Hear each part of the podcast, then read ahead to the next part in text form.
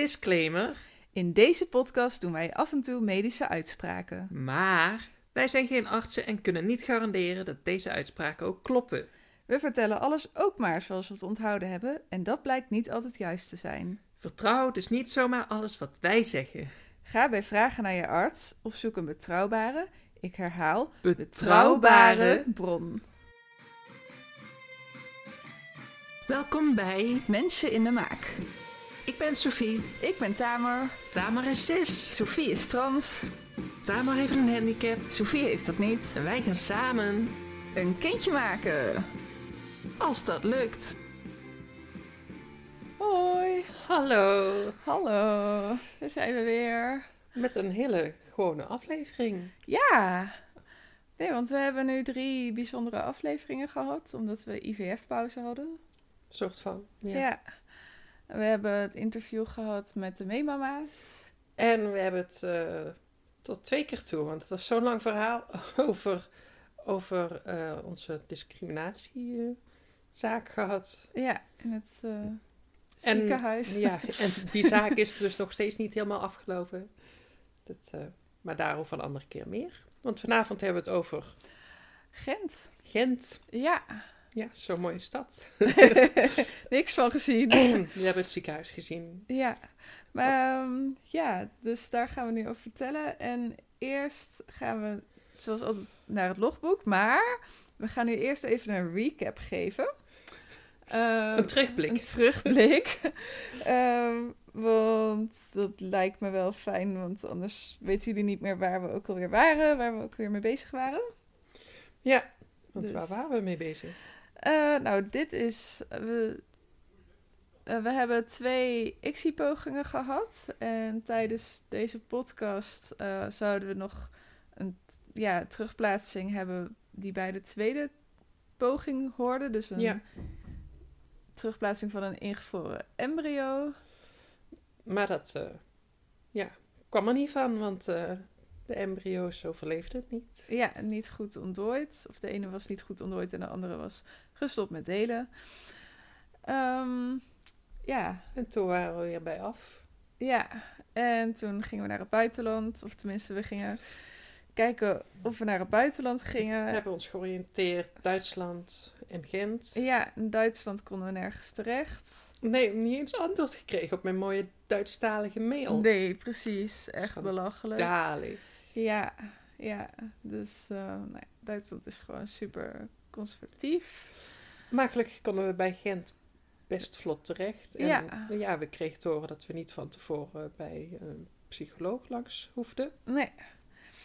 Dus ehm, ja, op ehm, woensdag 19 juni, op onze trouwdag, togen Ja. wij naar Gent. Ehm, en in het logboek zul je daar alles over horen. Logboek. Het is vandaag dinsdag 18 juni. En ehm, ik ben voor het eerst weer naar de acupuncturist geweest omdat ik schat dat we over zo'n drie maanden weer eh, gaan behandelen. De derde ICSI-poging. En eh, met acupunctuur moet je dan drie maanden van tevoren beginnen. Volgens mij een acupuncturist. En ik was echt vergeten hoe fijn het ook alweer is. Het is echt zo relaxed. Ik sliep gewoon bijna. Zo ontspannen. Dus eh, ja, was fijn. En verder eh, wil mijn acupuncturist dat ik eendenvet ga eten. Ik snap niet helemaal waarom. Maar ze was heel erg geïnteresseerd in wat voor vetten ik allemaal eet. En ik echt. Het laatste waar ik aan denk bij gezonde vetten is eendenvet. Dus ik heb geen idee. Ehm, en ik mag eh, geen gewone chips meer eten uit de supermarkt. Sorry, een beetje lawaai. Ehm, maar ze wil me aan de keelchips hebben. Weet je wel, boerenkoolchips. Die ik dan zelf moet maken. Dus, eh, nou ja, heel interessant. Oké, ehm, het is drie kwartier voordat we hier weg gaan rijden naar Gent. En we gaan heel lang van tevoren weg. Maar toch zijn we echt al helemaal zenuwachtig. Ik ga nu nog even ons dossier kopiëren. Sophie die gaat eventjes de auto halen. En ik weet niet, ik ben gewoon zenuwachtig. Ik ben gewoon zenuwachtig. Ik ben nu dus Sophie's dossier aan het kopiëren. Straks ook die van mij. Oh, het is echt afschuwelijk. Staat, ehm, het gaat dus over dat de invriezen van het zaad en zo. Patiënt wil graag zijn semen laten invriezen alvorens met de hormoontherapie te behandelen. Op dit moment heeft hij geen partner. Zijn. Oh, ik word echt. Oh, het is echt zo naar al die misgendering. Echt. Arr. Hoi, we zitten nu in de auto. Maar er is nogal veel achtergrond bij mij. Ons doosje maakt lekker veel geluid. Ja, want we hebben geen airco. Zo, dat was het ritje wel, hè? Eh, ja, we hebben uiteindelijk had ik nog meer logboek dingetjes eh, willen opnemen. Maar dat lukte niet, want we moesten echt super erg haasten uiteindelijk. Ja, we hadden niet zoveel tijd en daarna was gewoon ook niet het moment ervoor. Nee, ehm, dat eh, zal straks wel duidelijk worden waarom. Ja, dus eh, nou, ik had dus weer een, ga even redactievergadering eh, vergadering doen. Ehm, ik had een lijstje gemaakt, zoals altijd. Want het is zo'n enorme gebeurtenis, dit eerste bezoek aan Gent. Dus we beginnen nu met de reis. De reis. ja. Nou ja, het was wat de warmste dag van de week. Ja, het was op een gegeven moment was het 28 graden in de auto. Het was redelijk afschuwelijk. Ja, ja, nou ja. Weet je, het is net als bevallen. Die pijn vergeet je ook. En, en die hitte in de auto vergeet je ook. Weet je, dat laat je op een gegeven moment gewoon achter je. Ehm, maar ja, uiteindelijk uh, de, de, de reis terug was uh, qua temperatuur beter te doen. Omdat er gewoon flinke buien over waren. Ja, maar het was echt zo warm. En het, Ja. was, um, het was echt een stuk langer dan ik in mijn hoofd had. Want volgens Google Maps was het twee uur. Dus wij waren dan drie uur van tevoren weggegaan. Maar ja, er stonden heel veel files. En we moesten eigenlijk ook nog even lunchen. En. Ja, dat doen we voor een keer anders. Maar ja, dat, Ja. het wordt sowieso een lange reis steeds. Het Ja, is niet anders. het is heen en dan moet je daarna weer helemaal terug. En het is gewoon op een of andere manier voelt België voor mij best wel dichtbij. Maar dat komt denk ik omdat ik uit Brabant kom. en we zitten nu niet in Brabant. Dus, dus ik had het gewoon een beetje verkeerd in mijn hoofd. Ja.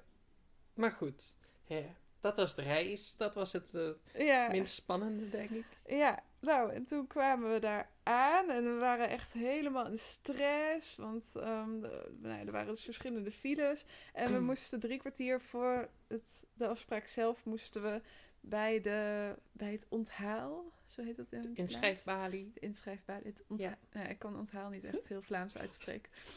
Er zit geen G in of zo. Ehm, eh, ja.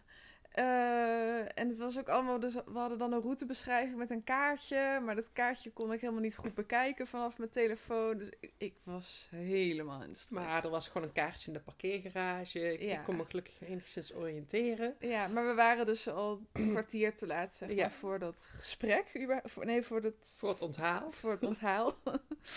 Ehm, nou ja, dus, dus ik zat Maar op zich, het helemaal- wachten bij het onthaal was niet zo erg, want de radio stond lekker aan. Ja! En, En dat, nou ja. nu gaan we naar punt 2, de cultuurshock.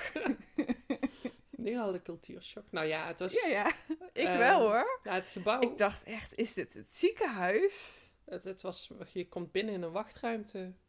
Daar in elk geval in, in het hoofdgebouw. Ja, en het zag er Klein. allemaal een beetje jaren 70 uit of zo. Ja, Oud. Ja, het deed mij een beetje aan het postkantoor denken. Op een of Ja, manier. Ja, Of inderdaad. gemeentehuis. Een oude gemeentekantoor. postkantoor, ja. Ja, gewoon, ja. En eh, ja, gewoon overal van die soort kleine, kan, nou ja, hoe noem je dat? soort cubicle, wat je in Amerika hebt van die cubicles, zeg maar. Dus een soort kantoortjes afgescheiden door een soort kamerschermen. In Waar dus ja. mensen achter zaten en daar moest je dan aanschuiven. Echt, moest je echt gaan zitten en dan gingen ze je inschrijven. En heel, heel veel van dat soort hokjes hadden ze dus. Nou, een stuk of acht. Ja, vind ik veel. en daarachter zag je ook... Ja, daarachter zag je eigenlijk ook allemaal mensen die bezig waren met de administratie. En eh, ja, er stond echt behoorlijk hard stond de radio aan. Ja, je moet het wel goed kunnen verstaan, het Vlaams. ja, Ehm, maar, ja, en, en, maar goed, op een gegeven moment zaten we daar. Een, een hele aardige, het oudere Vlaming. Ja, een Die, hele eh, gezellige Vlaming. Van het, ja, van het gezellige soort. Dus die, die, heeft ons een half uur bezig gehouden daar. Nou, Ja, Oh ja, bijna een half. Ja, Ja. klopt, ja.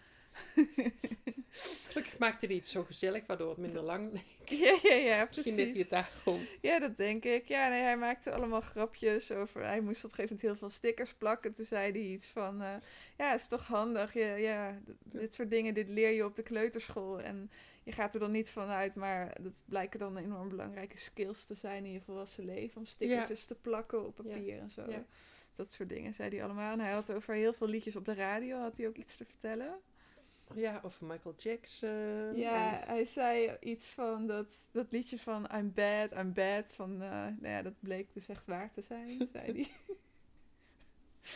dus, Goed. Ehm, eh, en hij ja. begon over zijn zoon. Die ja, dus zijn zoon die in Utrecht studeert en een ba- baantje had in een... eh, een Bruin bruin café. café met heel veel Belgisch bier.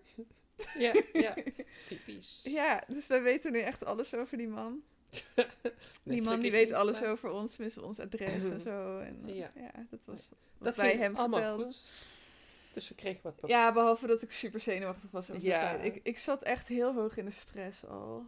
Ja, Ja, je liet het niet aan hem zien, gelukkig. nee, maar ja, ik ben heel goed in eh, doen alsof ik geen stress heb. Maar ja, en toen was het dus alweer half vijf, toen we daar klaar waren. En om half vijf was ook onze afspraak. En die man die zei nog van, oh relax, jullie zijn in België. Maar we werden gewoon gebeld. Ja, stipt om half vijf werden we dus gewoon gebeld van waar blijven jullie? Ehm, en ik, ik, ik heb ze niet eens uit laten praten. Dus ik was echt helemaal van, oh ja, nee, sorry, we zijn er al. We komen er zo aan, we zijn bijna op de afdeling. Eh, dus wij racen naar die afdeling. Eh, en dan was de receptie gesloten, al stond een mooi Ja, briefje Want, van ik- waar je moest wachten. ja, want wij dachten dus van, oh, dus zij staan daar nu vol ongeduld op ons te wachten. Maar niks, niemand die ons aanspreekt. minder waar. Het was helemaal leeg, bij, ja, behalve een stel dat een formulier zat in te vullen. Eh, ja, En en er hing dus inderdaad... Een, een, een papiertje waar stond bij, als je een afspraak had met één arts, dan welke, welke wachtruimte je moest zitten. ja, want vanaf dus- vier uur was de receptie al dicht, In, zeg in het, eh, het, nou ja, het is niet zo'n afges- afgesloten wachtruimte, maar een lange hal met kleine wachtruimpjes, eh open Ja. wachtruimtes eraan. En wij gingen zitten en op een gegeven moment dacht van, ja, maar we- niemand spreekt ons aan, hè, want we zijn gebeld. En het was gewoon al tien minuten op ons af? Ja, Dus, en maar toen bleek dat we bij de verkeerde wachtruimte zaten. Want wa- alsof, alsof wij het hadden kunnen weten dat dat verkeerd was. echt. Hoe dan? Ja, Ehm, want Sophie die was dus toch maar eventjes gaan aankloppen bij de Ja. receptie. Er En waren toen- gelukkig toch nog mensen. toen wou ze het papier hebben en toen noemde ik mijn naam. eh, jouw naam, want ik dacht, Oh, ja. jouw, de afspraak staat op jouw naam, maar dat eh, klopte dan weer niet. Maar terwijl, want toen jij werd gebeld, vroeg ze dan naar mevrouw Doorduin. Oh, dat weet ik echt nee, niet weet meer. je niet meer. Nou ja, dat- dus dat, dat, dat moesten ze iets in orde maken. En ja, toen moesten we maar wachten. Zo van, oké. Ze liepen heen en weer met, met een stapeltje. Met, we hadden dus van tevoren een formulier ingevuld. Dus ze liepen heen en weer met het papier van het formulier. En af en toe zagen we dan zo'n arts eh, langskomen of een verpleegkundige. En wij dus de hele tijd helemaal in de aanslag om op te staan en zijn naam te zeggen en zo. Maar ehm, nou ja, dan liepen ze weer voorbij. Dus, en dat duurde gewoon twintig minuten. En ik, ik, ik moest op een gegeven moment echt bijna huilen van de stress gewoon. Maar voor, dus die arts die moest eerst dat nog... Want we wisten eh, gewoon niet waarom we moesten wachten. Ja. Ja. Nee. Dus dat... eh, en op een gegeven moment eh, werden we wel op, kwam, kwam onze dokter uit eh, haar kamertje en riep ons naar binnen. En toen bleek dus dat ze gewoon het hele formulier had zitten bestuderen. Ik Ja. denk, had je dat niet even met ons erbij kunnen doen? Maar ja, misschien ook niet. Dus eh, ja. ja. Ja. nou dan zijn we naar punt. het gesprek. Ehm, ja, Ja. ze, ze overrompelden ons een beetje met vragen over jouw gezondheid, toch? mijn beperking. Ja. Ja, ze vroeg iets van... ehm, hoe lang zit je al op invalide of zo? Nou, ja, ze vroeg of je, of je werkte. En, Nee, ze vroeg echt Oh. iets... Ze gebruikte een of andere uitspra- uitdrukking met op invalide of zo. Oké, ja. Eh, ik, dus ik vroeg van... eh, oh, bedoelt u arbeidsongeschikt? Hoe lang ik Ja. arbeidsongeschikt ben? Eh, en toen zei ze ja. Maar later leerde ik dus van een ehm, eh, kennisje van ons die, in, eh, die zelf Vlaams is en die ook een handicap heeft. Sophie die doet even de gordijnen dicht. Schijnt in mijn ogen. Ehm, leerden we dat, dat je in België dus geregistreerd staat als gehandicapt. Dus waarschijnlijk verwees ze daarnaar, maar dat hebben we in Nederland natuurlijk helemaal niet. Dus, ehm, anyway, dus ze, ja, ze begon eigenlijk mij allemaal vragen te stellen over hoe lang ik al gehandicapt was en hoe gehandicapt ik dan was. En Ja. Ik heb het redelijk kort beantwoord, omdat ik een beetje geïrriteerd was van, "Ja, maar hiervoor kom ik niet.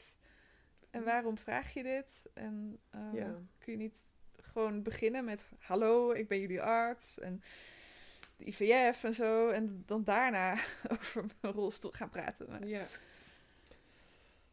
Ging een beetje omgekeerd. ja, ja dat, eigenlijk voelde het wel, dat inderdaad een beetje omgekeerd. Ja, Ja, maar goed, toen hebben we het uh, daarna gingen we het wel het daarover hebben. nog besproken, toch?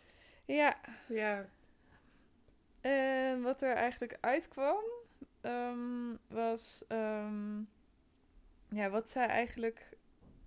Ik had dus eigenlijk verwacht van we gaan eerst allemaal onderzoek doen en daarna gaan we pas verder kijken. mhm. Maar ze zei eigenlijk al dat onderzoek dat wij hier meestal doen, dat heeft allemaal te maken met implantatiefalen. Ja. Oftewel dat terugplaatsingen niet lukken. Dus ofwel dat je heel veel terugplaatsingen hebt, maar nooit zwanger wordt. Ofwel dat je miskramen hebt. En ze zei dat ze op grond van de behandeling die wij in Nederland hebben gehad en die twee terugplaatsingen eigenlijk, eh, ja, niks kon zeggen, hè, wat ze in Nederland ook niet konden. Ja, Ehm, want dat waren terugplaatsingen van embryo's van drie dagen oud. En eh, ze zei van ja, je kan pas iets zeggen eh, als je het doet met embryo's van vijf dagen oud. Ja, ja, dat was heel interessant. Dus zij heeft ons van alles verteld over dat verschil tussen drie en vijf dagen oude embryo's met plaatjes erbij. En ehm, ja, eigenlijk klonk het een beetje als een drie dagen oud embryo is eigenlijk nog niks. En je weet dus pas. Nou, heel kwetsbaar. En, Ja, en en heel je weet ook inderdaad niet of het, het sterk genoeg is om echt terug te plaatsen.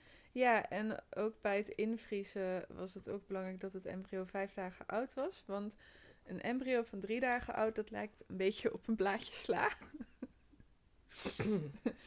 dat, eh, dat ga je ook niet invriezen, zeg maar, omdat daar veel vocht in zit. En een vijf dagen oud embryo, daar zat meer suiker in.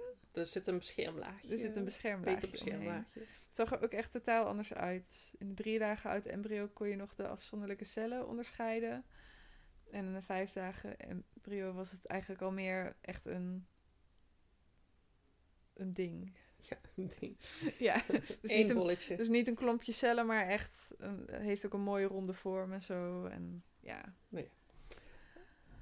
Ehm, ja, maar in elk geval, ja, bij, ik, ik vind dat ergens wel een beetje vervelend. Want ik denk van ja, misschien heb ik wel problemen met de implantatie, maar weet ik dat helemaal niet, omdat ik die kans niet heb gehad. En dan gaan we toch al een poging doen. En straks blijk ik dan wel problemen met eh innesteling te hebben. En dan moeten we alsnog weer. Maar ja, goed. Ja, dus zich- dat is wel Ja, naar dat het zo, nou ja, ja, zo werkt het.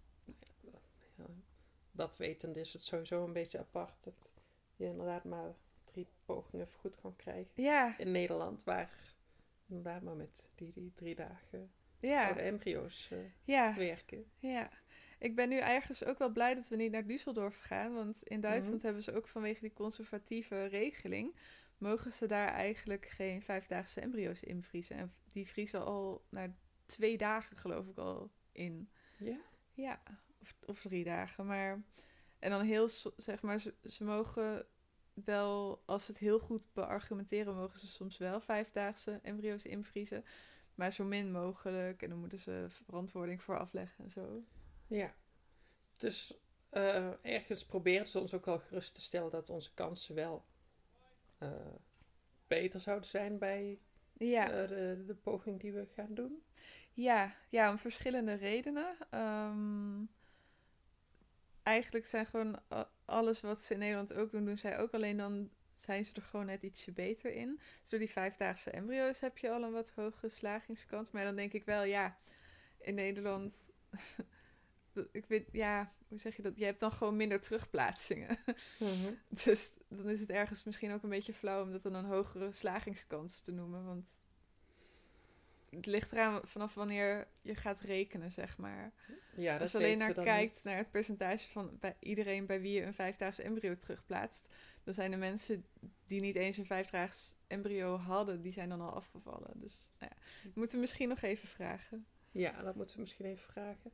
En ehm, ze doen sowieso de punctie door iemand die heel ervaren is.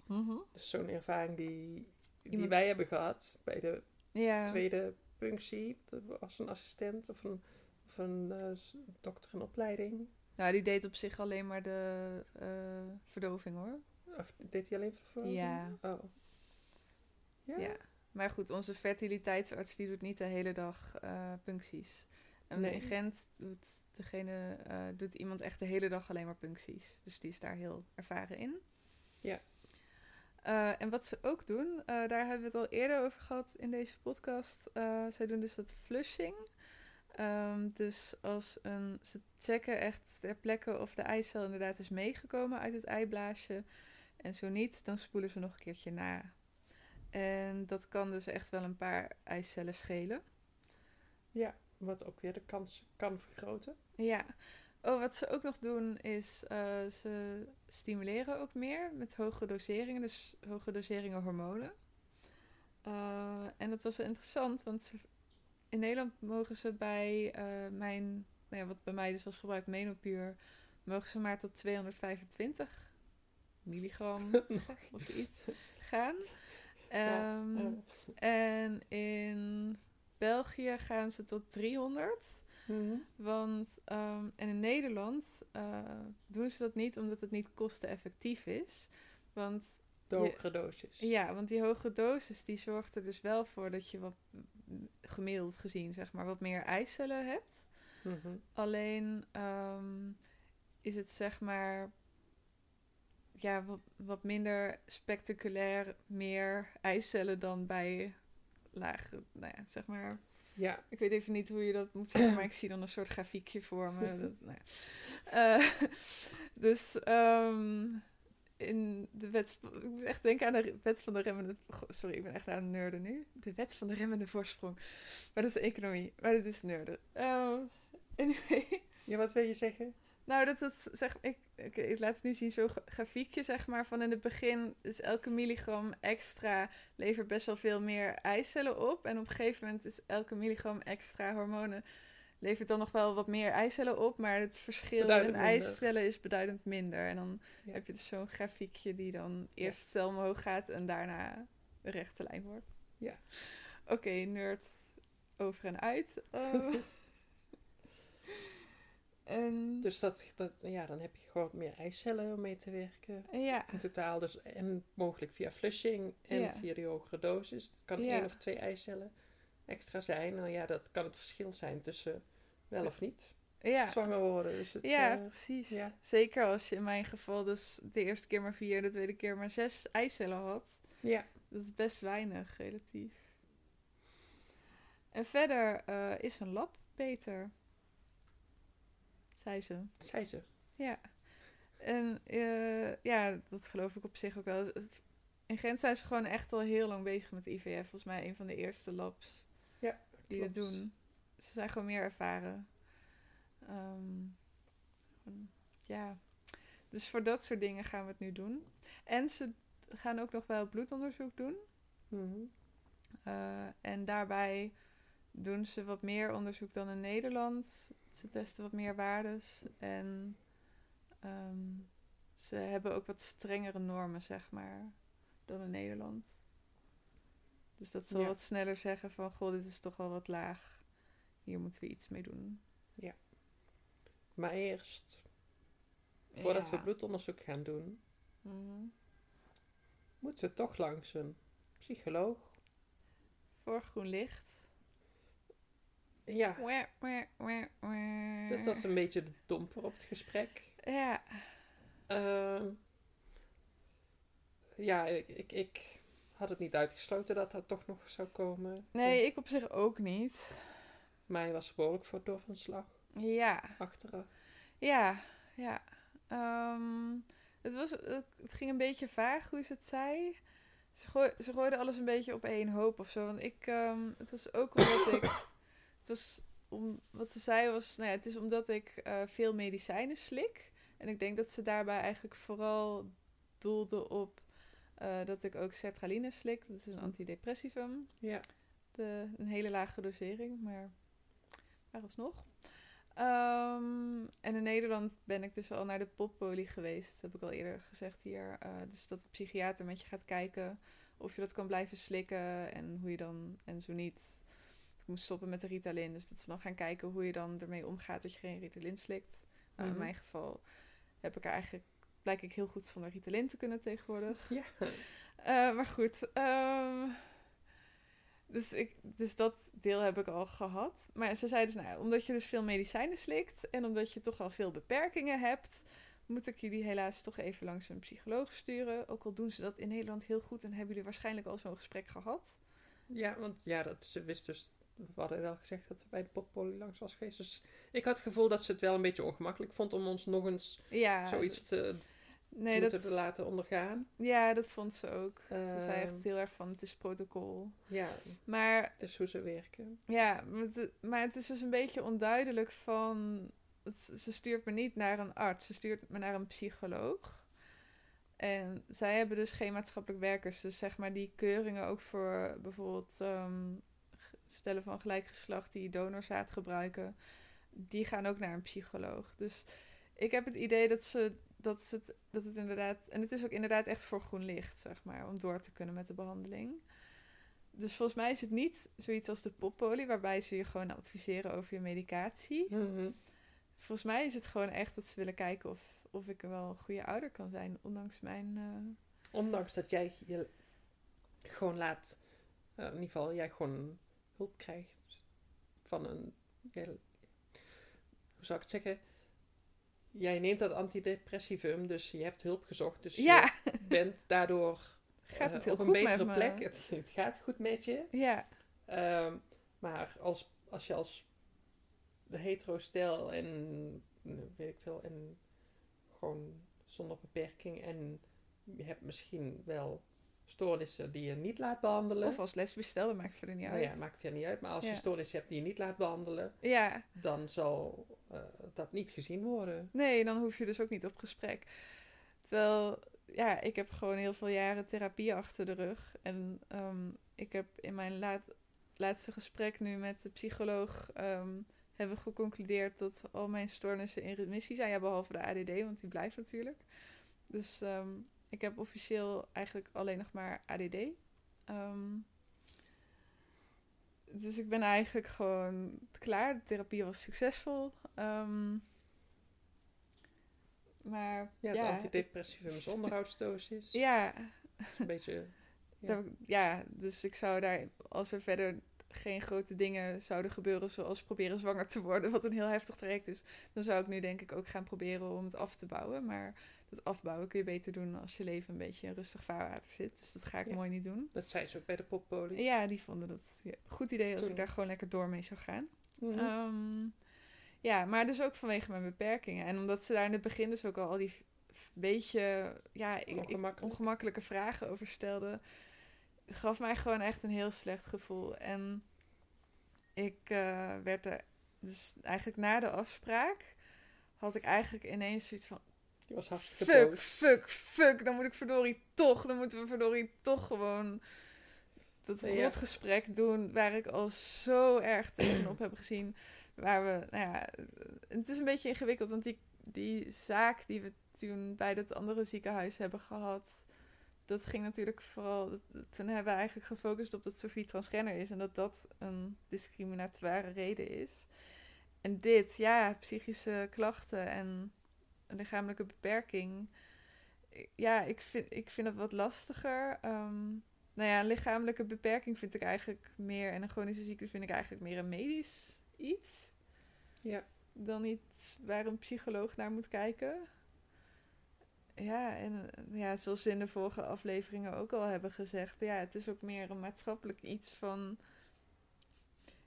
Als, als ik vanwege mijn beperking niet voor een kind kan zorgen, dan is dat een maatschappelijk probleem, omdat ik dan dus niet voldoende accommodaties krijg en voorzieningen, zeg maar, om voor het kind te zorgen. Ja.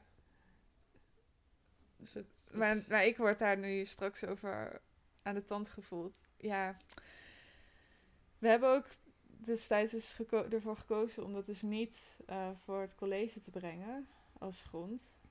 Dat is alleen om de, op transgender discriminatie te focussen. Maar ja, eigenlijk vind ik dit dus ook een soort discriminatie. Maar ja, klopt. Er valt nog een hele wereld te winnen. Ja, alleen we hebben toen dus ook al gezegd van ja, dit is toch ingewikkelder. Want volgens mij, ik weet niet meer precies, maar ik heb ook ergens zien staan van dat dat toch een soort uitzondering is van als er dingen met gezondheid zijn, dat het dan niet onder discriminatie valt. Nou ja, eh, ja ik, ik ben heel benieuwd trouwens eh, of er, als er mensen luisteren die iets weten over mensenrechten en zo, wat, wat die hiervan vinden.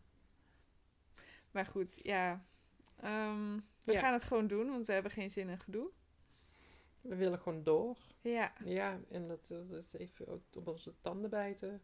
Ja. Spreekwoordelijk gezien. Ja, en wat het eigenlijk met me deed, was... Ik, ik was echt heel erg van slag. Want we zouden eigenlijk nog gaan eten met die eh, Vlaamse kennis van ons. En ehm, eh, dat heb ik toen afgezegd, omdat ik echt... Ja, ik- het speelt dus ook mee dat die stress eh, gewoon al heel erg zich had opgebouwd. Ook gewoon van het daar naartoe reizen en die, het gedoe en dat we te laat waren en zo. Ehm, en omdat het gewoon een hele belangrijke afspraak was. En het was ook gewoon een ontlading. Maar wat het vooral met me deed was. Ja, wat er dan gebeurt bij mij is dat ik dan door de ogen van. Ja, dat gewoon mijn geïnternaliseerde validisme dus weer opspeelt. Dus dat ik eigenlijk met een soort blik van buiten mezelf. Veroordeeld. Ja, een veroordelende blik van Mhm. buiten mezelf. Van hoe ik denk dat andere mensen naar mij kijken. Naar mezelf ga kijken. En dan zie ik mezelf dus al huilen en boos zijn vanwege dat we dus verdorie toch naar die afspraak moeten. En dan denk ik, zie je wel, je bent ook gewoon een hysterisch, ja, Ja. hysterisch mens. Maar je was gewoon boos en teleurgesteld. maar dat gewoon zijn- emoties. Dat zei Sophie toen van, ja, nee, je bent gewoon boos. Je bent niet hysterisch, je bent gewoon boos. En dat hielp op zich wel een beetje. Ik weet niet of jij dat- beetje, nou ja, het- Jij merkt dat niet, maar het Oké, gelukkig. Ja. je hebt daarna nog met je moeder gebeld toen de auto terug ja, zaten. ja, en die Dat had... hielp ook. Ja, eh, mijn moeder die zei, je moet gewoon nu alles op papier gaan zetten. Wat, want wat er gebeurt is ook, ik ga dan in mijn hoofd al meteen de hele dag door dat gesprek alvast voeren. Met die psycholoog. Ja, en mijn moeder die zei, zet het op papier. En dan heb je het gewoon op papier staan en dan hoef je er verder niet meer over na te denken. Ja, moeten we dat nog doen? Ik heb het al op papier Oh ja, het zal. oké. Ja, maar ik moet het nog we wel met jou bespreken. Maar we hadden het er al over gehad. Wel toch? ja, een beetje? ja. een beetje. Ja, Ja. ja. dus ehm, zal, ik, zal ik daar anders iets van... Ik ga het niet voorlezen, want het is een beetje te privé, maar... Nou, ik, als je mag, terwijl ik even naar de wc ga. Mijn blaas. eh, ik doe even pauze. Zo, zijn we weer. Ehm, nou, ik heb dus een heel document gemaakt. Het oh, wauw. heeft Meerdere al kantjes al. Iets meer dan twee kantjes. Ja. Ehm, met allerlei kopjes van mogelijke problemen. Ehm, rondom ouderschap en mijn beperkingen. En daaronder heb ik dan de oplossing. Jij mag niks voorlezen, want ik moet even zelf kijken Ja, wat ik wel ja, niet is goed. Ehm, nou, geschiedenis van psychische problemen is dus iets waar ze denk ik naar gaan vragen. Ehm, wat ik dan onder andere ga vertellen is, eh, nou ja, toen ik echt nog veel last had van die klachten, dat we toen dus ook hebben besloten om nog te wachten met onze kinderwens. Niet omdat mijn therapeuten dat nodig vonden, maar omdat ik het nodig vond. Omdat ik er toen nog geen vertrouwen in had. Mijn therapeuten die hadden er dus wel al vertrouwen in. Ondertussen zijn die psychische problemen ehm, in remissie. En het gaat gewoon hartstikke goed met me. ondertussen hebben wij er gewoon vertrouwen in dat ik het aan kan. En mijn psycholoog die staat er ook helemaal achter. En dan heb ik nog wat dingen opgeschreven van ja, ik kan me wel voorstellen dat uh, ik blijf natuurlijk gewoon die kwetsbaarheid houden. Um, maar uh, ik heb ondertussen dus wel, ik heb laatst gerekend, ik heb gewoon acht jaar therapie gehad. Ja, dus het is echt niet meer zoals het ooit was. Nee, nee, nee, echt niet. En ik heb heel veel geleerd in die acht jaar. Overigens niet altijd even intensief hoor. Dat is ook gewoon een hele periode dat er dan vijf weken tussen de afspraken zitten. Maar ook wel eens gewoon een tijdje even niet. Maar ja, die skills die, die hou ik natuurlijk. En vooral schematherapie heeft zo goed gewerkt. En nou, uh, niet genoeg energie om fulltime zelfstandig voor een kind te zorgen. Nou, daar heb ik dus dat hele riedeltje waar we het hier al eerder over hebben gehad. Van um, dat, dat ik zeg maar niet werk. Dat het dan natuurlijk niet betekent dat ik dan ook fulltime voor het kind hoef te zorgen. Dus dat ik die energie ook niet hoef te hebben. Want het kind kan ook gewoon een paar dagen naar de kinderopvang. En Sophie zorgt ook voor het kind. En mijn moeder die komt ook af en toe voor het kind zorgen. Dus dat. Nou, dan het probleem van niet lang kunnen staan, lopen of zitten.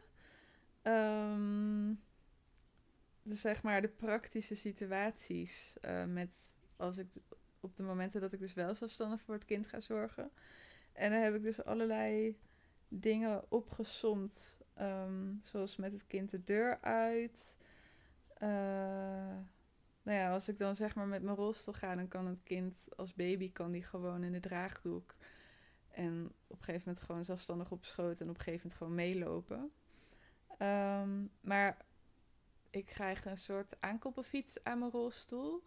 En dan heb ik een stuur op schoot. En dan is het dus natuurlijk heel onveilig om daar dan het kind tussen te klemmen. Want ik denk dat als ik dan de hoek om ga, dat het stuur tegen het kind aandrukt en zo. Um, dus ik heb al een tijdje het idee dat ik uh, tegen die tijd dan tweedehands een scoopmobiel moet kopen. Uh, we tweedehands een scoopmobiel moet kopen. Mm -hmm. uh, met een kinderzitje erop. Zodat ik het kind naar school kan brengen. Want dat vind ik heel belangrijk, dat ik dat gewoon zelf kan doen. Nou, enzovoort, enzovoort. Dus allemaal van die praktische dingen. Ook van dat we geen... Dat ik het luier natuurlijk niet op een commode ga verschonen, maar gewoon met een zeiltje op de bank of op de grond. Um, nou ja, dingen met koken en zo. Nou, gewoon dat soort dingen allemaal. En ook dat, dat bepaalde dingen, daar hebben we nog geen oplossing voor. Dus daar moeten we echt met een ergotherapeut nog even naar gaan kijken. Uh, dan heb ik nog sociaal, het anders zijn. Dus bijvoorbeeld de enige gehandicapte ouders zijn op school. Nou, daar heb ik dus helemaal uitgelegd dat wij heel veel ervaring hebben met anders zijn. ons hele leven al. En dat we daar dus prima mee om kunnen gaan. Ook al is het natuurlijk niet altijd leuk dat mensen je discrimineren en vooroordelen over je hebben. Oh, maar even. Te eufemismen. Um, jij moet ook even iets zeggen. Oh, ik moet. een beetje stil. Um, ik was, jij nou ja, dus jouw. Ja, ja. sorry. ja, snap ik. Uh, ja. Ik heb nog gezegd bijvoorbeeld dat we het ook belangrijk vinden voor het kind. Dat het kind niet altijd de enige is die een gehandicapte, chronisch zieke en een transgender ouder heeft. Dus. maar ja, er zijn best wel veel ook onzichtbare beperkingen. Dus er zullen echt veel ouders zijn die ook wat hebben. Dat is waar, dat is waar. Ja. Maar we gaan dat gewoon opzoeken. Ik bedoel, het is voor onszelf ook fijn om contact te hebben met andere ouders zoals wij. En we gaan het daar met de school ook over hebben, denk ik. Ja. Als het zover is. Ja. Ik heb nog dat uh, ik absoluut niet wil dat ons kind mijn mantelzorger, mijn mantelzorger gaat worden. Maar dat ik ook echt geen enkele reden daarvoor zie. Want mm de enige zorg die ik nodig heb is gewoon nou ja, dat Sophie kookt en uh, dat er iemand het ons huishouden moet doen, zeg maar het schoonmaken en zo. Maar gewoon het voor mijzelf zorgen, dat doe ik gewoon zelf. Ja. Um, ja, en ik heb ook toch nog even iets, dat is helemaal los van mijn beperking, maar over die mannelijke invloed. Want um, weten jullie nog dat interview met de meemama's? Dat zij vertelde dat die psycholoog dus daarnaar vroeg van, did they have enough male influence in their child's life. Ja. Misschien moet jij... Oké, ga Nou, dit- even, jij nou, dit maar. Ja, Ja. ehm, dat ze dus die vraag kregen in Gent, toch? Mhm. Ehm, en eh, dat ze daar dus echt een heel serieus antwoord op moesten hebben. Ja.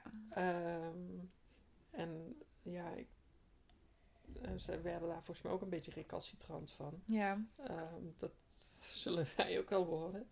Ehm, en ja, daarom, hoewel dat niet de reden is dat we daarvoor op gesprek komen, is er een grote kans dat ze er toch over beginnen. Ja. Dus dat we er toch iets, eh, dat we er toch iets op eh, moeten, eh, te- op te reageren moeten hebben. ja. En Ehm, toen heb ik er dus maar even serieus over nagedacht. En Sophie ook.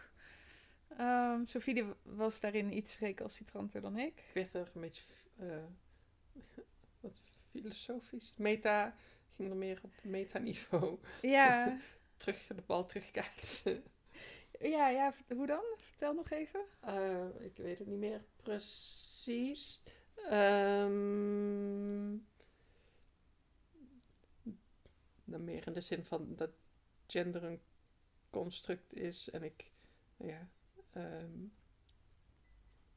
en dat, eh, dus wat, wat eh, die psycholoog mannelijk vindt, dat ik dat vrouwelijk vind, omdat, ja, wat, eh, Toen zei ik, ja, maar ze bedoelt geen mannelijkheid of vrouwelijkheid. Ze bedoelt gewoon of er mannen zijn in ons leven. Het begrip mannelijkheid koppelt zij waarschijnlijk gewoon aan man zijn.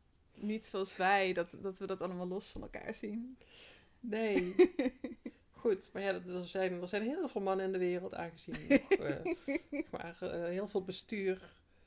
En, het grootste deel van Nederland wordt bestuurd door mannen. Eh, het grootste deel van de wereld wordt bestuurd door mannen. Dus eh, je ontkomt er echt niet aan, aan de mannelijke invloed, zal ik maar even zeggen. dat is Nou, mijn waar je- recalcitrante reactie. Ja, waar je Ehm. misschien wel aan ontkomt, is dat je mannen ook als eh, gewone kwetsbare mensen leert kennen. Zeg maar, hoewel ik wij, ook niet zo goed weet of wij onze vaders als gewone kwetsbare mensen hebben leren kennen als kind. Maar Nee, maar ik denk dat mannen die wij kennen dat eerder dat voorbeeld zullen, een voorbeeld dat die Ja. kwetsbare mannelijke kant zeg maar dat je niet alleen maar. Nou ja, ik ga nu weer even nerden, maar in gender studies leerden wij zeg maar het verschil tussen de vrouw met een hoofdletter V en Mhm. vrouwen. Ehm, oftewel gewoon allerlei verschillende mensen die vrouw zijn. Ehm, en dan de vrouw met hoofdletter V is zeg maar het ideaalbeeld vrouw. En wat, wat je natuurlijk wel kunt krijgen bij ons, als wij bijna alleen maar, serieus, ik ken echt, ik, ik, heb ook echt bijna alleen maar vrouwen in mijn leven. Ehm, ik, ik, ik ken serieus weinig mannen waar ik echt veel mee omga, zeg maar. Als onze kinderen dat ook hebben, ehm, dan komen ze misschien alleen maar mannen tegen in functie, die dan dus een soort van een idee hoog houden van dit is hoe het is om een echte man te zijn. Dus dat onze kinderen dan misschien meer in aanraking komen met het ideaalbeeld man in onze samenleving, wat al heel snel ook weer toxic masculinity wordt. Zou en dat kunnen. ze dan misschien minder in aanraking komen met dat mannen gewoon mensen zijn die ook gewoon naar de, een beetje naar de wc gaan. Nou, dat hoort trouwens dan weer, dat hoort dan wel weer bij toxic masculinity. eh, het eh, heel stoer. nou, ja. Ehm, maar gewoon dat mannen ook kunnen huilen en zo. En dat mannen ook gewoon. alle soorten emoties hebben. Ja, dat mannen gewoon mensen zijn, zeg Ja. maar. Ja, dus dat, dat is, vind ik eigenlijk toch wel belangrijk. Maar ik weet, ja, ik heb natuurlijk broers. Dus ik denk dat ik het door mijn broers, dat ik dat vooral heb meegekregen. En ik denk een ouder is natuurlijk... Ja, ik, ik denk dat allebei mijn ouders toen ik kind was, dat ik ze niet echt als mensen zag. Maar meer gewoon als mijn ouders die alles wisten. Ja. Ja. Maar doordat ik broers heb, denk ik dat ik toch wat beter weet van... Oh ja, mannen zijn ook gewoon mensen. Ze zijn Ja. niet het ideaalbeeld man. Nee. Oh ja. Maar goed, in elk geval wat, wat ik zelf zat te denken bij het Mhm. antwoord eh, was... ah, eigenlijk vind ik het gewoon belangrijk dat ons kind met allerlei soorten mensen in aanraking komt. Dus mensen van verschillende genders, man, vrouw, non-binair. mensen van verschillende achtergronden, mensen met verschillende kleuren, eh, wit van kleur, ehm, mensen met verschillende seksuele oriëntaties. Verschillende fysieke capaciteiten. Ja, dus ehm, ik denk dat, dat dat wel een goed antwoord is om te geven. Want dat wij dat belangrijk vinden. Ja. En dat wij al die mensen ook gewoon in ons leven hebben. Ja. En qua man, nou ja, dan hebben we dus de opa's van het kind en de ooms van het kind. Maar Ja. ja, ja, Ja, en we hebben de buurman en... maar De dat is een buurjongens. ander soort relatie natuurlijk. Ja, tuurlijk is een andere relatie, maar... Weet je, ehm, hoeveel mannen zijn er in de geschiedenis wel niet opgevoed door alleen vrouwen, omdat ja. de mannelijk, hè, de man, de vader, ja nee, eh, precies. van huis was. Ja, want ik ben ook van, ik ben eigenlijk gewoon door mijn moeder opgevoed. En mijn vader die was er ook af en toe, zeg maar. Nou ja. Ja, maar die, die ja, ik bedoel, mijn moeder die werkte eerst niet en daarna Mhm. ging ze part Ze was er werken. veel meer. Ze was er veel meer, maar zij, zij was gewoon ook echt degene die alle emotional labor deed en zo. Ja, En mijn vader, die zag ik vooral in de vakanties, zag ik hem ook veel. Maar dan had hij ook gewoon een andere rol. Dus ja, in die zin. Ja, denk ik dat heel veel mensen. En het schijnt, het schijnt trouwens wel dat. eh, dat het voor vrouwen. cis-vrouwen, denk ik dan. ehm, dat het voor een zelfvertrouwen goed is als, de, als een vader, als die er is, ehm, ja, meer betrokken is bij de opvoeding. Dat Ook emotioneel. Ja, Ja, ik denk dat het ook te maken heeft met dat, van, dat je dan ook die andere kant van mannen leert kennen. maar het is dus bij, ik denk juist bij hetero-koppels misschien wel extra belangrijk. Ja, maar misschien bij ons ook. Omdat het dan ook over hechting gaat. Ja, het gaat er ook over dat je dan ook echt twee ouders hebt. Ja, en dat is bij ons is dat, Is dat geen probleem, denk ik. Ga ik vanuit. ga ik even, gaan we even vanuit. Ja, dat is in elk geval wat we van plan zijn. Dat we gewoon echt allebei gewoon volwaardige ouders zijn. Mhm. Ook al zorgen we misschien niet fulltime voor de kinderen. Ja, Dat is trouwens ook nog iets. Ik bedoel, Ja. bijvoorbeeld als ons kind naar de kinderopvang gaat. En er zijn daar, ja, dat zijn, die zijn er vaak niet. Maar als er dan mannelijke leiders zijn, zeg maar. ja, Dan hebben ze ook mannelijke opvoeders.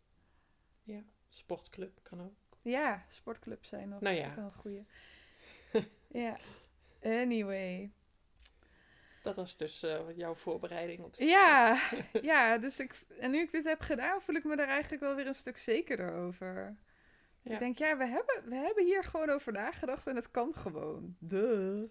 Ja, dus wij, wij gaan er even vanuit dat dat wel goed komt met dat gesprek. Ja, En dat we binnen, binnen een week of anderhalf doorkrijgen of we met de behandeling kunnen starten. ja, want het gesprek even is over ehm, anderhalve week. Ja, Volgende week donderdag. Ja. Ehm, ja, dus we hebben ook nog één aflevering voor dat gesprek volgens mij. oké. Doen het. Weet ik niet waar we het dan over moeten hebben. Dat Eh, hebben we nu allemaal gedaan. Maar goed, dus... Dus het, stel ons eh, vooral heel veel vragen.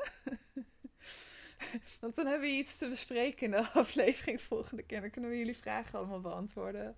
Dat zou leuk zijn. Ja, Ja. doe dat vooral. Ik denk dat we, we moeten maar kijken waar we Ja, het dan over hebben. Eh, misschien maken we er gewoon weer een speciale aflevering van. ja oh, dat kan ook nog. Ehm, Oké. Ja, en dan, dan horen we of we door mogen. En als dat zo is, en dat hopen we natuurlijk.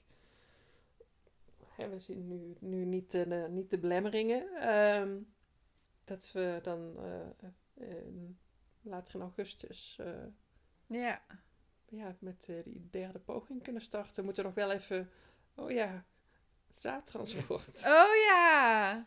Oh, dat, was, dat, dat is ook wel even heftig. Ja, Mochten er hele rijke luisteraars eh, nu aan het luisteren zijn. meteen om. Eh, het We zaad. moeten de donatieoptie. Ja, ja, ja. Patreon openen. Ehm, Want het is, eh, ja, waar we eh, toen mijn, z- mijn opgeslagen zaad werd verplaatst van het ene ziekenhuis in Nederland naar het andere ziekenhuis in van Nederland. Nijmegen naar Utrecht. Ehm, toen deden we dat dus zelf. Eh, hè, hebben we dat, het transport zelf gedaan. Ja, gewoon met de auto heen en weer. Wel een flink bedrag aan administratieve kosten. Ehm, maar eh, eh, Gent, eh, naar Gent gaat dat niet lukken. Daar, ja, dat moet met een professioneel transport gebeuren. En dat kost ons ja, toch al gauw best wel wat geld. Dat is zeg maar bijna het dubbele van wat we alleen al aan administratieve kosten. Ja, de administratieve kosten in Nijmegen waren heel hoog. Ehm, maar het dubbele daarvan. En dan komen er misschien nog administratieve kosten van Utrecht bij.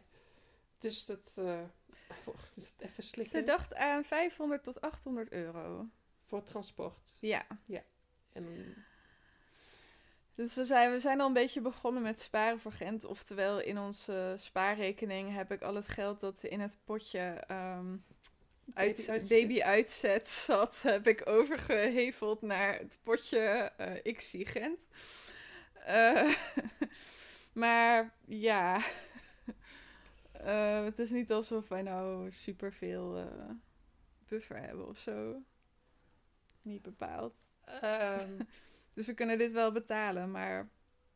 we hadden het natuurlijk liever gebruikt voor de luier. baby-uitzet. voor herbruikbare luiers. Ja. Ja. Eh, nog, iets, ehm, nog iets anders. Ik was even iets vergeten, maar ik, ik over die radio in België. Eh, ik heb een vriendin in, eh, in Vlaanderen die ook pots heeft. Even kijken, ik doe even pauze. Ja, ik had haar een berichtje gestuurd. Staat in België altijd een radio aan, overal in het ziekenhuis? Zei ze, "Eh, haha, in Nederland niet dan? We hebben graag radio op openbare plaatsen. Als die ergens niet speelt, dan voelen we ons ongemakkelijk en durft niemand iets te zeggen. Dan hoor je alleen af en toe iemand kuchen, hihi. Eh, toen zei ik, nee, in Nederland staat er geen radio aan in het ziekenhuis. Hele andere sfeer ook. Het voelde gewoon niet alsof ik in een ziekenhuis was. En, kijken hoor. Zij zei iets. Ehm, Zo'n steriel uitziende omgeving met allemaal mensen in witte jassen en klemmappen zoals in de films hebben wij niet. en ik had zoiets van, nou, wij hebben dat wel. En ze zei, ja, ik dacht altijd dat het alleen maar in de films was dat ziekenhuizen er zo uitzagen. dus, nou ja, dat was nog even over de cultuurshock. Sophie die is gewoon haar Twitter-feed aan het bekijken. Die is zo afgehaakt. Wij moeten dag zeggen tegen onze lieve luisteraars. Zullen, we Oh, in het, zullen we het Vlaams afsluiten? nee, doen we niet. Ja, ik wel. Voor zover ik dat kan. Ik Ja. probeer een beetje Vlaams. eh Bonneke en zo. eh, onze podcastke. Even afsluiten. Maar misschien krijgen we nog een, eh, een opmerking of eh, een, een, een Ja, ja, ja. vraag. hè? Maar dan sluiten we nu dit gedeelte van de podcast Ja. af. Dag, lieve luisteraars. Dag. Laat maar.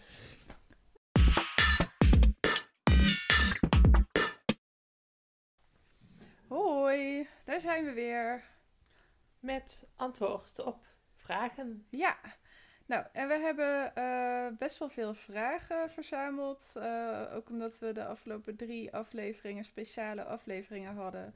Waarbij we alleen maar themavragen hebben beantwoord. Dus we hebben flink wat opgespaard.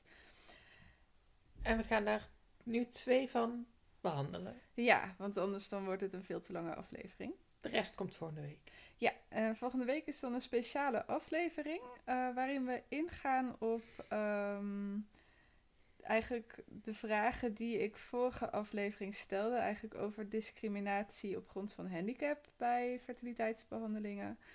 En eh, gewoon wat breder thema nou ja, acceptatie van gehandicapt ouderschap. Ja. En als je daar nog eh, over mee wil praten, ik heb daar op Twitter een hele discussie over aangezwengeld op ons Mensen in de Maak account. Dus ga vooral naar Twitter als je mee wilt praten. Ehm, en misschien dat jouw reactie dan nog wel in de, uit, in de uitzending komt.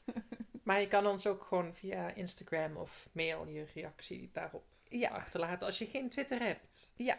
Dat zijn ook nog heel veel mensen. ja, precies. Nou, dan hebben wij nu twee vragen die we gaan beantwoorden. Even zoeken. Ja, Ik begin bij de korte vraag. ja. Eh, hebben, weten we of ze anoniem wil blijven? Eh, ik ga ervan uit van niet, want er stond niks over. Nou ja, ehm, de vraag is, ehm, heel stom, maar wat is toch dat nare O-woord? Yes. Yes. Ehm, Moeten we er toch aan geloven, liefje? nou, daar kiezen we helemaal zelf voor. Ja, dat is Ik hoorde het vandaag trouwens ook nog, niet richting mijzelf, maar iemand die daar een nare ervaring mee heeft gehad. Ehm, het O-woord is een, eh, een soort van archaïsche omschrijving van de medische transitie van transpersonen. Oftewel, eh, wat je doet eh, met een garage waar je nagelslon van maakt, die bouw je om. Ehm, mensen bouw je niet om, dus Dus het O-woord is, is ombouwen, ja, of omgebouwd. omgebouwd.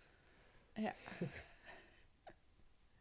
ja, nee, dat, eh, ja, dat, dat gebruik je gewoon niet als je het over mensen hebt. Het is eh, heel denigrerend, naar mijn mening. Heel En objectiverend, Ob- alsof, je een, objectiverend. alsof je een ding bent. Je ziet het ook wel eens als, als mensen het hebben over eh, vrouwen die meerdere eh plastische chirurgische ingrepen hebben gehad. Ja. Die, eh, die hebben, zich, hebben dan zich ook laten ombouwen Of verbouwen. Is of verbouwen. Ehm, en het is ja, ook over het, het werk van een plastisch chirurg wordt vermaakt tot iets. eh, ja, het is iets heel specialistisch en dan wordt het alsof het, alsof de plastisch chirurg een bouwvakker is of zo. Weet je, alsof je. Ja, maar dat is niet echt jouw met- met probleem ermee, Nee, toch? maar ik vind dat vind ik eh, ook. eh ja, het zijn twee invalshoeken waarop ik vind dat het gewoon niet kan. En ja, die plastische oké. ehm, die gevoelens zijn wel minder belangrijk dan die van de transpersonen. Ehm, maar ja, dat, eh, ik, eh, ik maak er altijd wel een punt van als het O-woord genoemd wordt in gesprek met mij. Ik, Ik, het ligt er een beetje aan wie ik tegenover mij heb, hoe ver ik erop inga. Maar ja. ik maak wel altijd duidelijk van dat dat niet het juiste woord is om eh, medische transitie van transpersonen mee te omschrijven. Nou, en weet je nou niet wat voor woord je dan wel kan gebruiken? Eh, hopelijk eh, weet je dat ondertussen wel, want je luistert naar deze podcast. Maar woorden die je bijvoorbeeld kunt gebruiken zijn in transitie gaan. Ehm, nou ja, eh, transgender zijn, want soms gebruiken mensen het gewoon als woord voor transgender zijn. Ehm, Ja, helaas wel. Ehm, Bijvoorbeeld Aafke Romein, die zei een keertje eh, in een interview van eh, dat ze zich wel een beetje met mannelijkheid identificeert, maar dat ze niet omgebouwd wil worden. Maar de- daarbij bedoelde ze eigenlijk gewoon, maar ik ben niet transgender. ja, ach ja, we zijn niet perfect, maar Ja, goed. Verder is ze wel leuk hoor. Ik, ja, daar gaan we niet te diep op in. Nee. Ehm, ja, dus eh, ja, medische Oh ja, transitie. Wat ik, ja, ehm, geslachtsbevestigende operaties. En bevestigen dan in de zin van iemand bevestigen in de identiteit, in het geslacht. Dus niet iets aan iemand bevestigen. ja, het is, weet je, Nederlandse taal ehm, helpt niet. Maar in, in het Engels heet dat eh, gender affirming. gender affirming of gender confirming oh ja, eh, ja.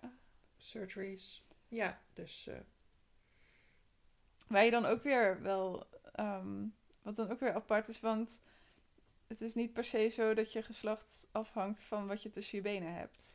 Nee, maar voor de persoon die de operatie ondergaat, bevestigt dat het Ja. Eh, Ja, of...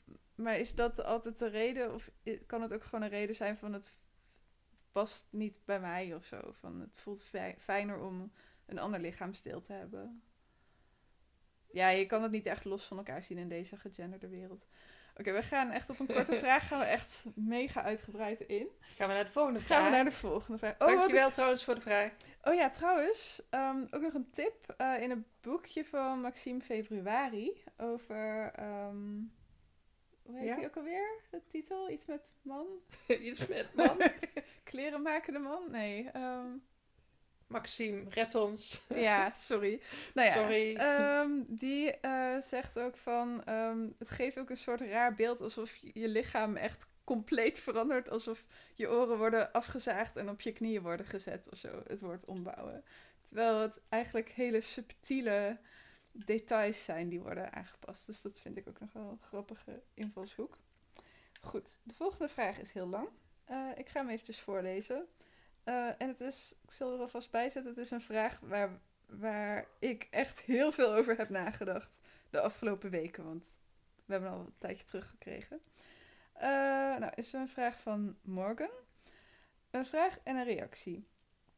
Eerst maar de vraag. Ik begrijp de kinderwens, kom ik zo op terug in de rea- reactie. Maar twijfelen jullie wel eens over het krijgen van een kind met het oog op de mogelijke gevolgen van klimaatverandering en dergelijke? En dan bedoel ik niet zozeer de toekomstige milieubelasting van het kind, maar welke toekomst het kind misschien tegemoet gaat. Dat lijkt mij een moeilijke afweging. Dit slaat ook op het kind krijgen met een beperking. Nou, die doen we volgende week. Nee, nee, nee. reactie. Oh, Ehm, toen ik ongeveer 30 was, heb ik de keuze gemaakt om mijzelf te laten steriliseren. Ik had toen geen partner en geen kinderen. Ik heb die keuze toen gemaakt omdat ik geen kinderwens had, dat ook niet zag veranderen. Maar vooral omdat ik erg gevoelig ben voor prikkels en het een kind eigenlijk niet aan wilde doen dat ik me terug moest trekken omdat ik overprikkeld zou zijn en dat mijn kind dan een gevoel van afwijzing zou kunnen krijgen. Dus ik wilde zeker weten dat ik niet onbedoeld toch een kind zou kunnen krijgen jaren geen moeite gehad met die keuze. En toen, ik, en toen werd ik 42 en kwam ik erachter dat ik transgender was. En werd ik 43 en begon aan de vrouwelijke hormonen. En dat heeft veel veranderd in mijn gevoel ten aanzien van kinderen. Maar ja, nu ben ik inmiddels 44. En de kans op kinderen van mezelf is eigenlijk gewoon weg, schat ik. En de prikkelgevoeligheid is er nog steeds. Maar tegelijkertijd kan ik er soms wel heel verdrietig om zijn dat ik waarschijnlijk nooit een kind zal krijgen. Ik kan hoogstens een latrelatie aangaan met een vrouw die al kinderen heeft of iets dergelijks. Maar goed, dat wilde ik graag delen. Nou, ja. Ehm, ja. dus een Echt- hele moeilijke een vraag. Nou ja, echt een vraag van deze tijd. Ja. Vind ik. Ja, precies. Ehm, het, het, eh, we zitten nu, terwijl we dit opnemen, in een eh, hittegolf. ja, Ehm, ik de weet- zoveelste. Ja, ik weet heel goed dat temperaturen boven de 30 eigenlijk nog echt uitzonderlijk waren.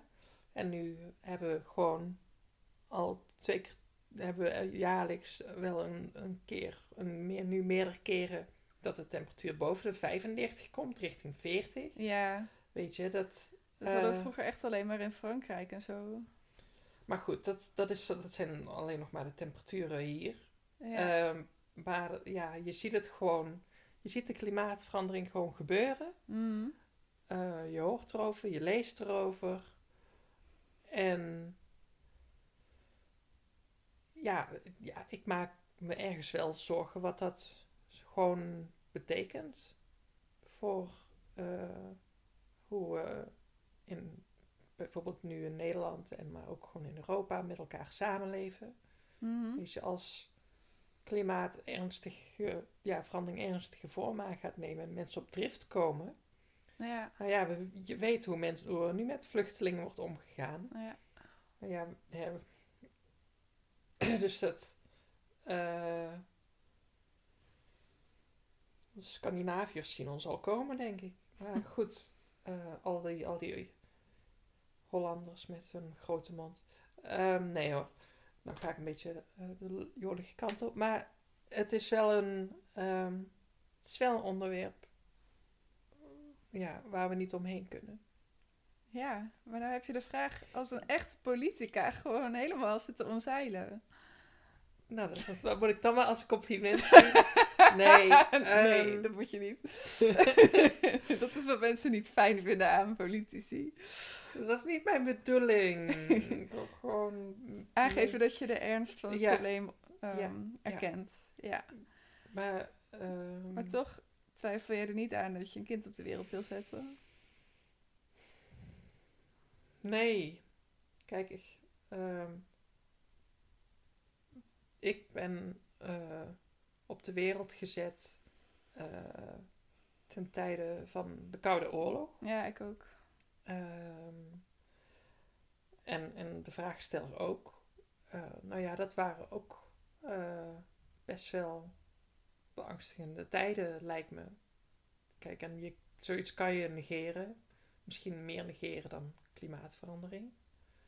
Maar ja, als, je, er- ja, als het gaat, je weet wat atoombommen doen en, er, en je, je Nederland plaatst als bondgenoot atoomwapens in je achtertuin, zeg maar. Mhm. Ehm, ja, nee, dat, die onrust die dat veroorzaakt, dat, dat, daar zou ik ook moeite mee hebben gehad. En ja, ik, er zijn nog steeds atoomwapens in Nederland, helaas.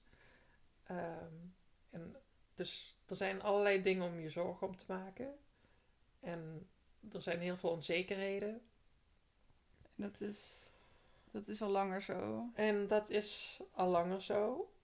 Ehm, maar ja, wij kiezen er inderdaad voor om. Eigenlijk, eigenlijk, eigenlijk hoor ik jou een beetje zeggen van...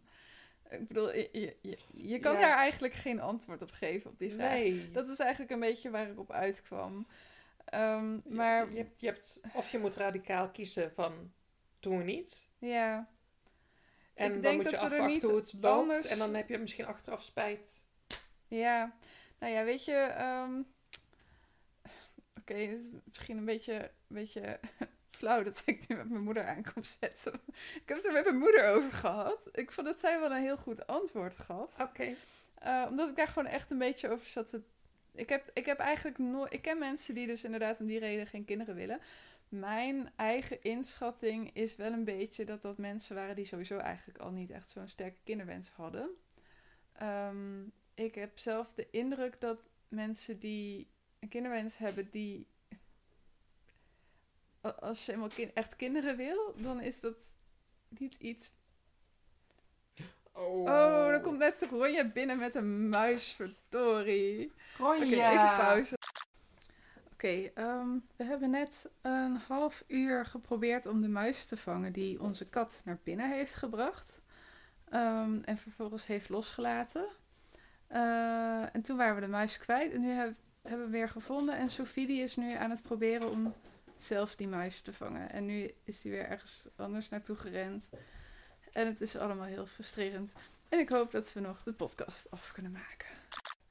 Eh, nou, oké, dus we gaan nu toch maar even verder met de podcast. In de hoop dat onze kat dan in de tussentijd misschien wel de muis vangt. Eh, want ons lukt het gewoon niet. Helaas. Ehm, maar goed, waar waren we gebleven? Oh ja, onze kat is nu heel gefrustreerd, net als wij. Eh, waar waren we gebleven? Oh ja, over de kinderwens en het klimaat. En dat.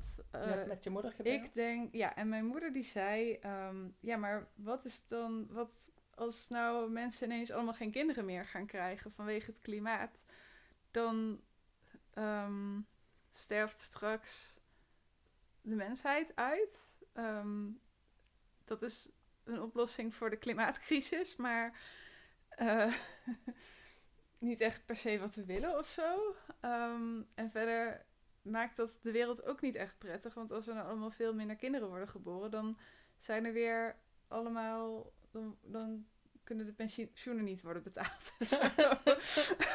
Eh, nou ja, dan kun- kan er niet voor oudere mensen gezorgd worden en zo. En ehm, dan kun je nog denken van, nou ja, maar moeten wij dan per se een kind? Maar ja, dan denk ik, waarom niet? Waarom zouden wij...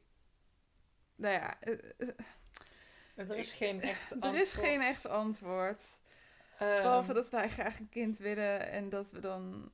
Nou ja. Weet je, en we Ja. zullen ten alle tijden proberen... eh, ja, ons kind een ja, een veilige toekomst te bieden. Dus dat betekent dat we eh, in september naar een klimaatdemonstratie gaan. Ja. Ehm, dat betekent dat wij op eh, politieke partijen stemmen die voor goed klimaatbeleid zijn. ja. Ehm, dat betekent dat wij niet in het vliegtuig gaan stappen. Nou, niet dat als wij dat niet doen, dat daarmee alles opgelost is. Maar ehm, Ja. Ja, en verder denk ik ook. ehm, daarover gaan we volgende week nog wel verder praten, want daar hebben we ook een mooie reactie over gehad. Ehm, eh, ja, eh, het, het klinkt echt misschien heel hard als ik dat zo zeg, maar ik denk niet, ik zet niet per se een kind op de wereld met het idee dat dat kind dan alleen maar altijd gelukkig zal zijn en nooit moeilijke dingen mee zal maken. nee. Want je, je kan, ja, weet je, je kan voorzien dat er klimaatverandering komt, ja. Ehm, maar je kan niet voorzien welke gevolgen ons nageslacht daarvan gaat Ja, merken. En ehm, dus ja, waar ga je je kind dan, waar, ja, wat ga je dan precies voorkomen? Ja. Nou ja, goed. Eh, sorry dat we hier echt zo lang over door Ja. zijn gegaan. Nou, ehm, ja, dan rest ons alleen nog de aftiteling. En dan gaan we daarna proberen om eh, de muis te vangen. Goed, oké.